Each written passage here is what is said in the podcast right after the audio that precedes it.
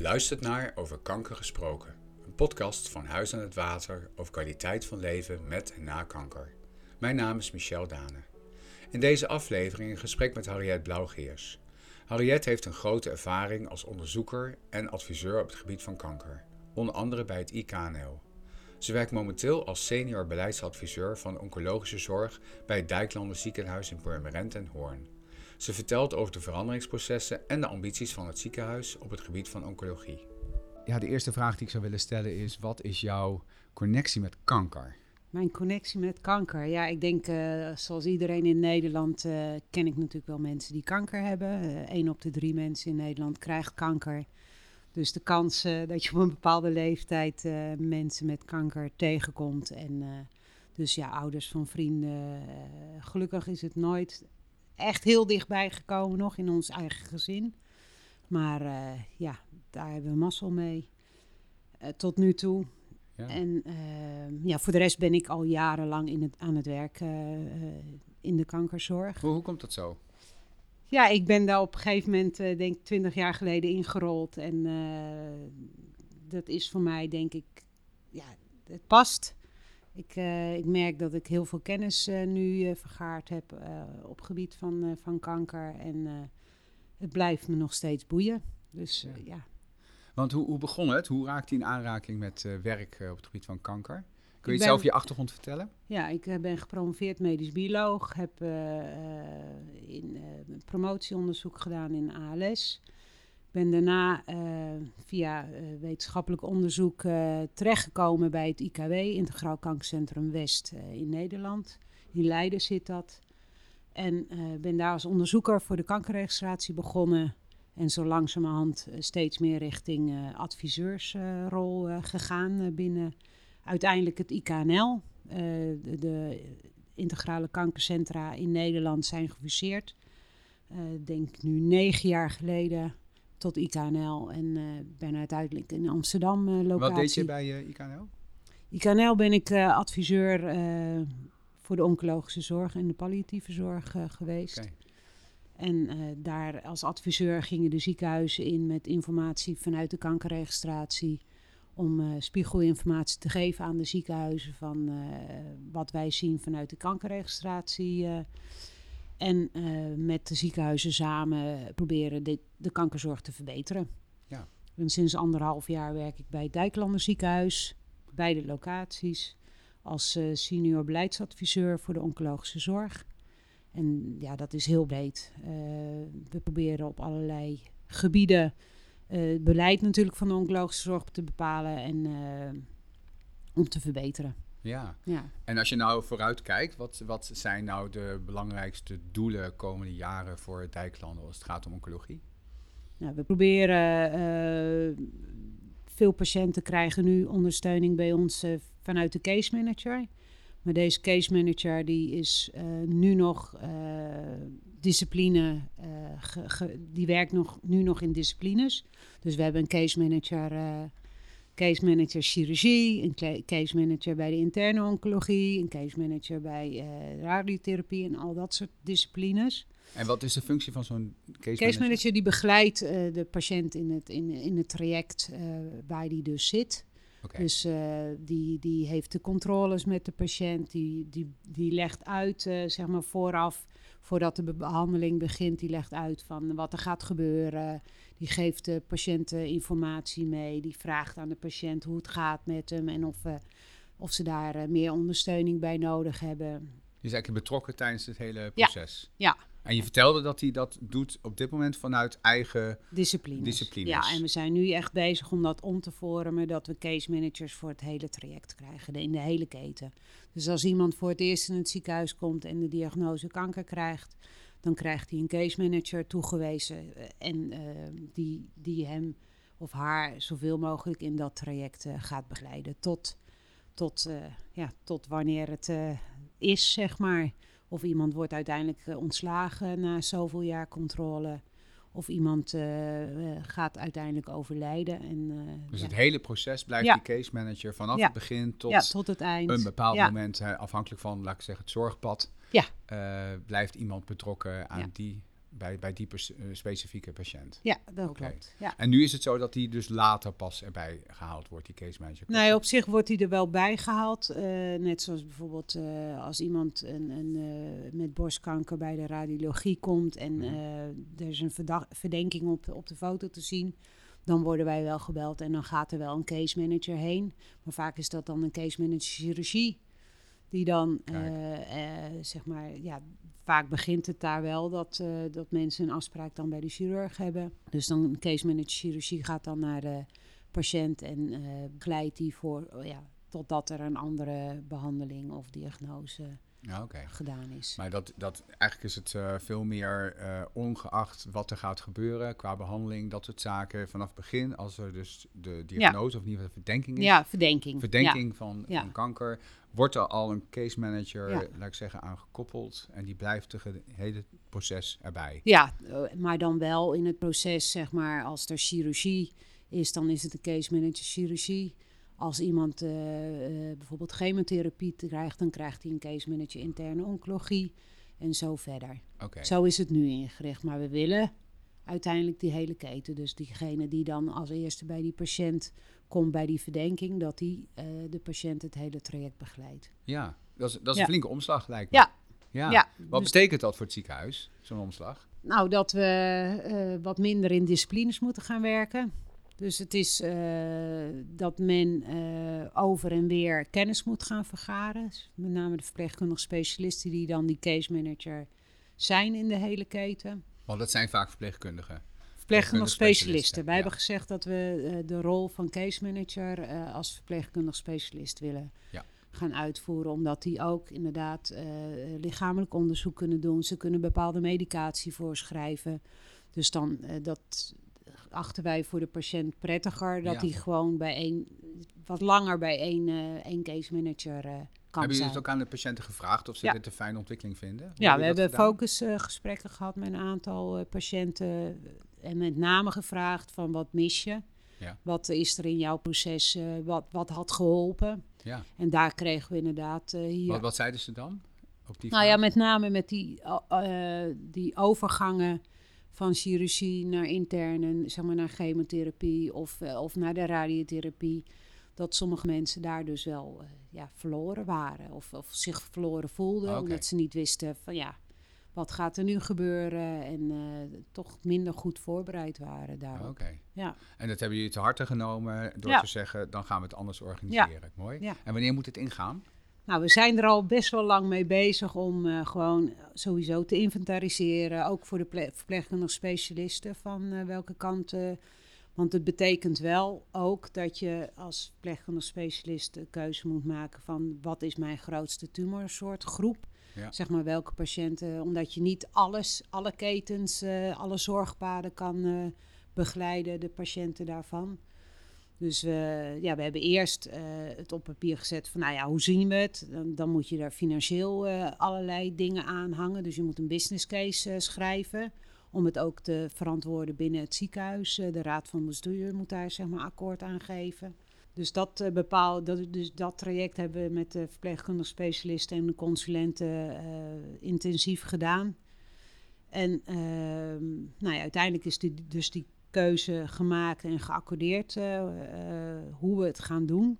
En nu zijn we echt aan het inventariseren bij, bij de verpleegkundige specialisten. Van nou ja, als je in een dedicated team, dus eh, als je bijvoorbeeld in een borstkankerteam wil gaan werken, is dat dan iets voor jou? Of wil je liever in het darmkankerteam? Of wil je liever in het longkankerteam? Nou, die inventarisatie hebben we nu gemaakt en we, eh, ja, we hopen wel eind van het jaar in ieder geval klein met een aantal mensen hiermee te beginnen. Ja. Ja. Mooi. En Ja. hoe vinden die eh, verpleegkundige specialisten deze omslag? Ja, spannend. Ja? Ja, sommigen zijn heel enthousiast, maar sommigen vinden het ook wel spannend omdat ze eh, het idee hebben dat ze niet altijd. eh, ja, nu weten ze wat, ze wat ze qua informatie hebben en wat ze aan de patiënten kunnen geven. En eh, ja, ze zullen een deel van die informatie weer moeten leren. Ja, Dus eh, ja, en dat is spannend. ik snap Ja. het. Ja. Wordt ook extra training en opleiding voor gedaan? Oké. Ja. Ja, ja. we hebben daar ook een scholingstraject eh, aan hangen. Dus en dat is ook in overleg met hun, eh, met, met de verpleegkundige specialisten en de consulenten zelf. Van nou ja, wat heb je nodig? Ja. wat, wat denk je te missen en hoe gaan we dat dan invullen met elkaar. En, ja. Mooi.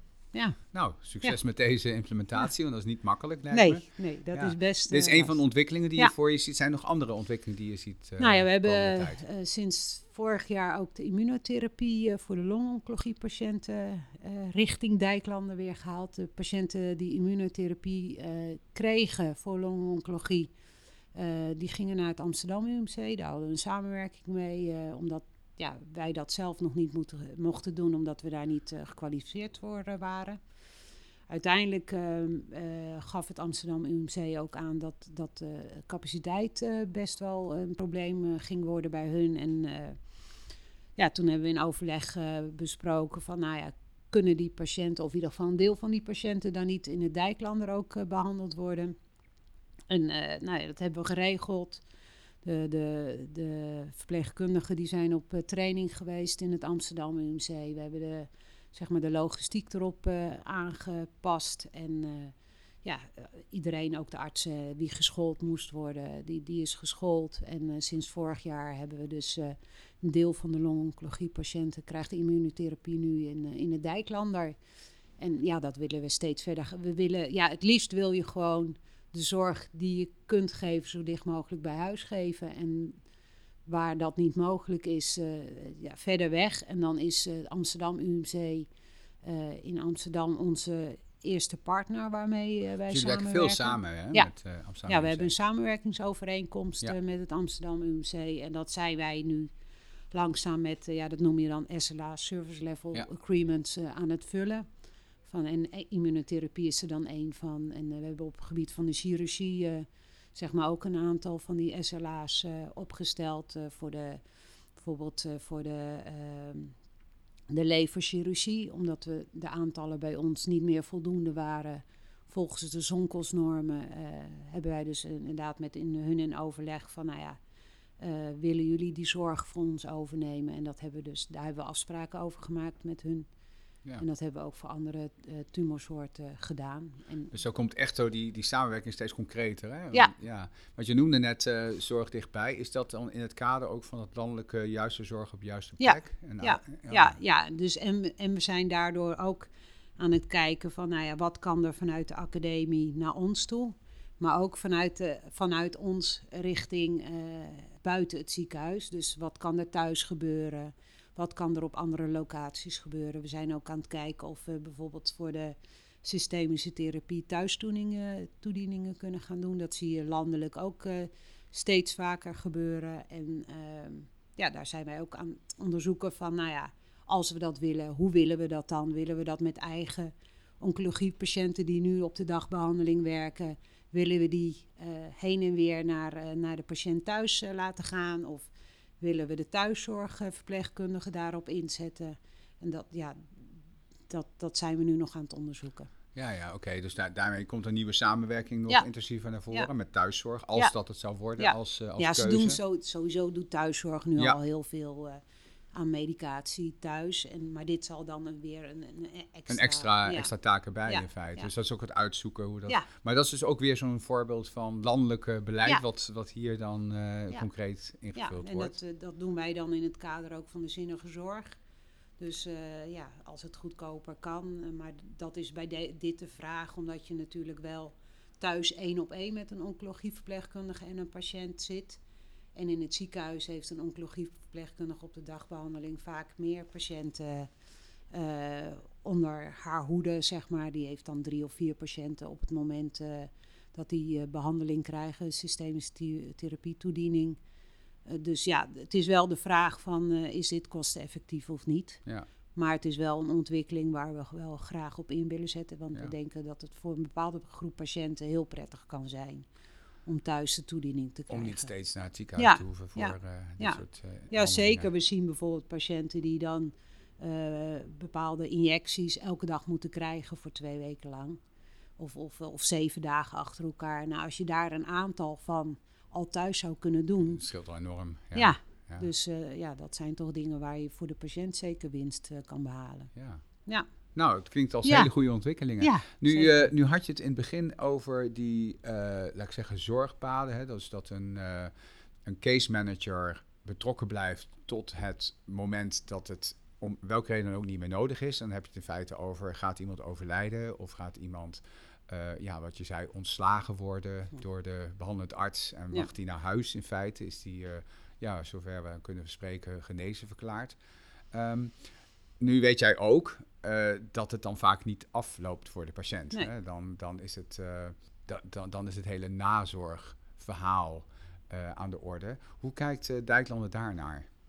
Ja, zeg maar de nazorg op zich begin je daar natuurlijk al mee tijdens het traject van, van de behandeling. Ik bedoel, de patiënten die hebben gewoon gesprekken met onze verpleegkundigen en artsen over hoe het met ze gaat. En uh, dus dat, dat wordt wel ook ingezet tijdens de behandeling. Maar zeker als men in controle, ja, zeg maar als de behandeling afgelopen is en in de controlefase komt, hebben ze in het ziekenhuis natuurlijk in het eerste jaar bij wijze van spreken om de drie maanden een controlebezoek.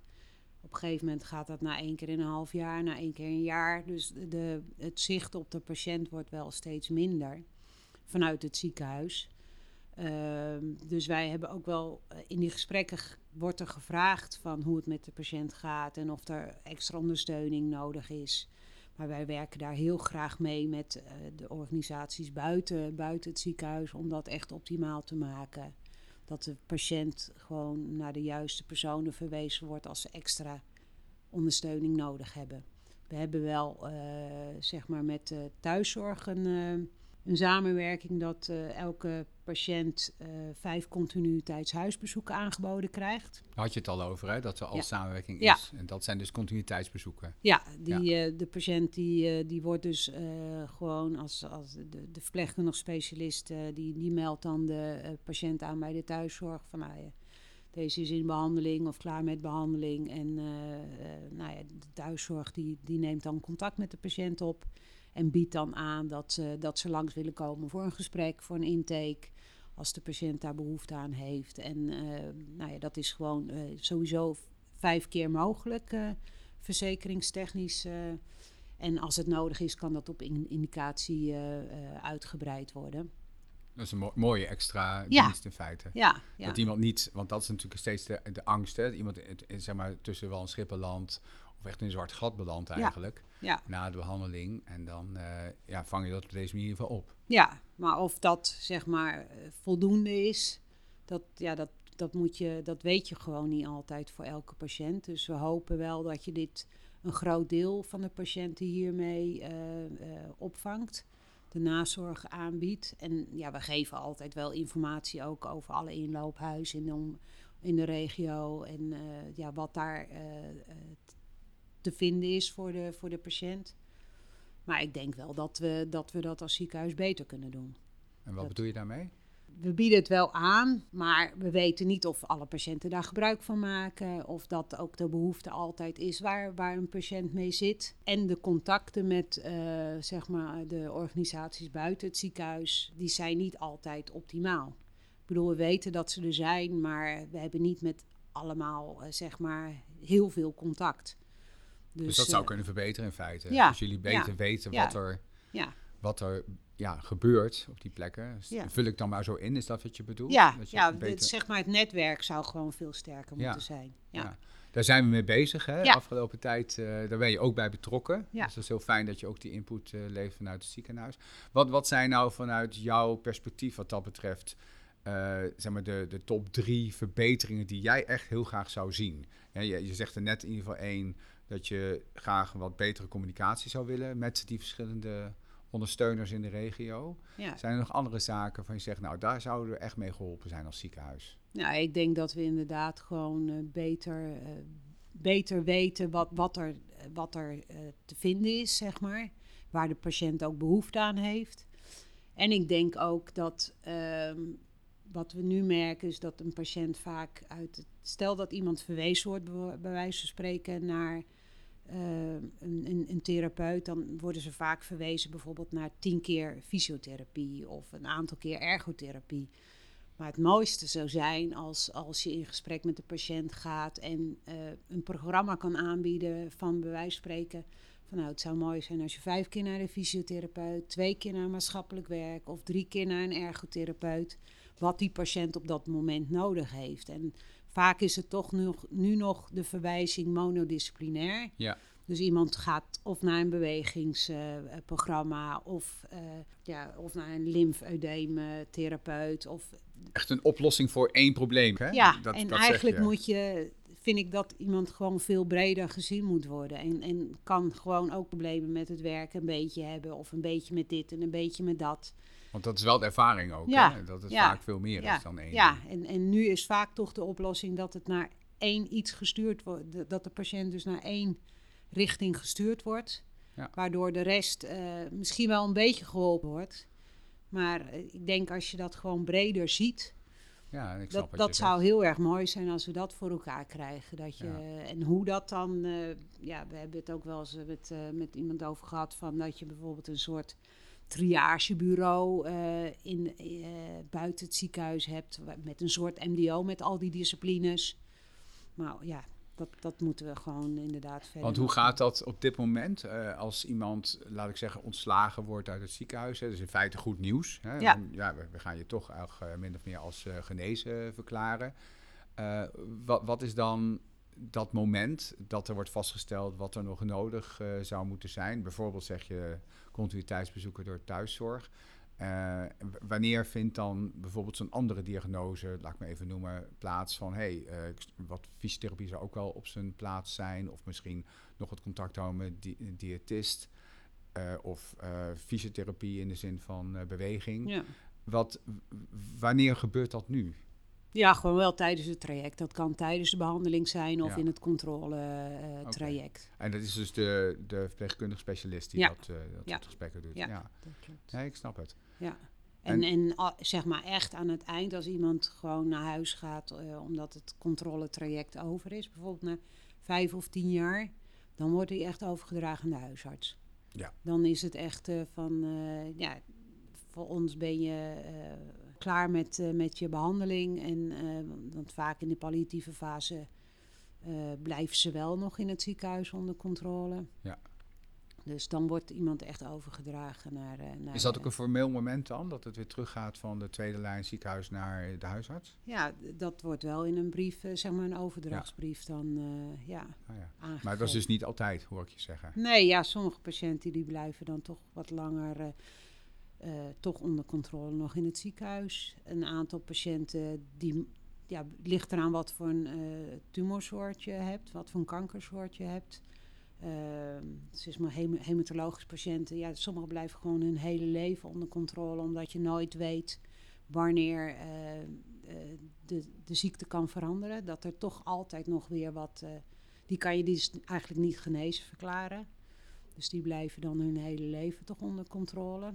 Dus het wisselt gewoon wel. En dan, en dan loopt het een beetje door elkaar. Ja. We hadden het net over ja. nazorg. En, en hier is het dan zo dat iemand in feite medisch nog steeds uh, ja, zeg maar gezien wordt. Ja. Maar ondertussen zou er ook al behoefte zijn aan, aan dat nazorgstuk. Ja. En daarvan zeg je, dat zou, daar zouden we nog wel... Kunnen verbeteren. Ja, kunnen verbeteren. Nou ja, daar werken we ook aan. Hè? Daar zijn we ook mee bezig. Dus dat, dat, dat, is heel fijn. En uh, goed te horen dat, uh, ja, dat ziekenhuis dat ook echt als belangrijk ziet. En wat ik eigenlijk hoor als beleid als ik het uh, goed begrijp, is dat het ziekenhuis zegt dat is eigenlijk niet iets wat binnen het ziekenhuis moet gebeuren, die nazorg. Klopt nou, niet, niet die extra dingen. We, we, we, hebben ze natuurlijk wel vanuit de verpleegkundige en de verpleegkundige specialisten de gesprekken met de patiënten. Dus ja. dat vangt al een heel groot deel van de problematiek op uh, waar, waar patiënten mee kunnen zitten. Maar als iemand echt extra ondersteuning uh, nodig heeft, dan, ja, dan hebben wij wel het idee dat, dat, beter, dat een patiënt beter af is buiten het ja. ziekenhuis. Ja. Ook hier is het weer samenwerken. Hè? Ja, is weer het, ja. we hebben natuurlijk wel ook gewoon psychologen in dienst, geestelijk verzorgers, ja. maatschappelijk werk, waar we, waar we naartoe uh, kunnen ver, verwijzen. En dat gebeurt ook. Ja. Dus, uh, en ook in steeds grotere mate om de patiënten te ondersteunen. Maar echt voor de ja, fysieke uh, ondersteuning of voor de ergotherapie of voor andere ondersteuning. Verwijzen of naar uh, de inloophuizen of naar specifieke uh, ja. therapeuten. Want wat zie je als meerwaarde van inloophuis? Want je noemt ze nu een aantal keer. Wat, wat is dat in, in jouw optiek? Ja, ik denk dat de inloophuizen sowieso ontmoeten de patiënten daar lotgenoten. En wel op een andere manier dan in de wachtkamer in, in het ziekenhuis. Um, en ik denk dat je ja, op een andere manier eh, zeg maar met je ziekte omgaat. Dat je gewoon anders benaderd wordt. Ik bedoel, in een ziekenhuis word je toch benaderd als, als de patiënt met een bepaalde ziekte waar we wat aan willen doen. En daar wordt eigenlijk gewoon, hoewel we natuurlijk wel ehm, vanuit de, de, de mens uh, kijken, zeg maar, dat is ook onze, onze visie vanuit het ziekenhuis. Van we willen echt de patiënt zien Mhm. eh, en niet de ziekte. Maar iemand komt wel in het ziekenhuis om eh, behandeld te worden. Ja, dat wil die graag. Ja, en, en de diagnose te krijgen. Dus eh, ook al kijk je holistisch zeg maar wel naar de mens achter de patiënt. In het ziekenhuis ben je wel primair bezig met eh, eh, de behandeling van je patiënt. Dus Ja. Zou bijna zeggen, gelukkig maar, want daar, Ja. daar kom je voor. ja, Ja. ja.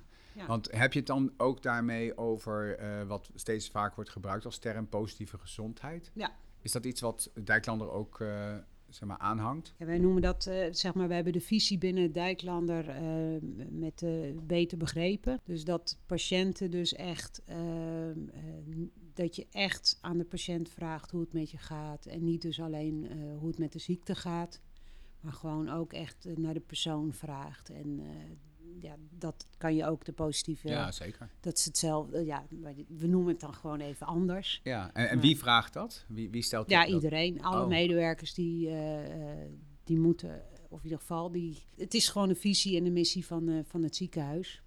Om, om de mens centraal te zetten. Ja, eh, De patiënt centraal, ja. Ja, ja, Ja. ja. Ja. Oké.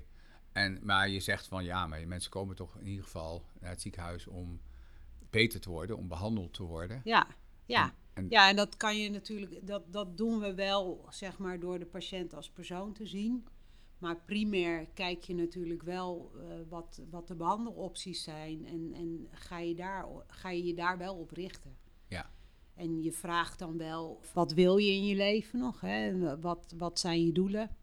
Wat wil je als, als eh, persoon bereiken? En eh, daar ga je wel met de patiënt in gesprek van, nou ja, als er verschillende opties zijn om te behandelen, van wat is dan voor die patiënt de, juiste optie om te gaan doen op dat moment? Ja, ja. Is dat dat eh, shared decision making waar we het steeds meer over hebben? Ja. Dat, dat is ook echt. eh, want ik hoor eigenlijk dat de Dijklanden allemaal dat soort, eh laat ik zeggen, landelijke termen ook in het beleid heeft geïntegreerd. ja, nee, dat klopt. We hebben wel inderdaad Samenwerking, juist zorg op de juiste plek. En shared decision making. ja, de zinnige zorg en Ja. Ja. De mens centraal. Ja.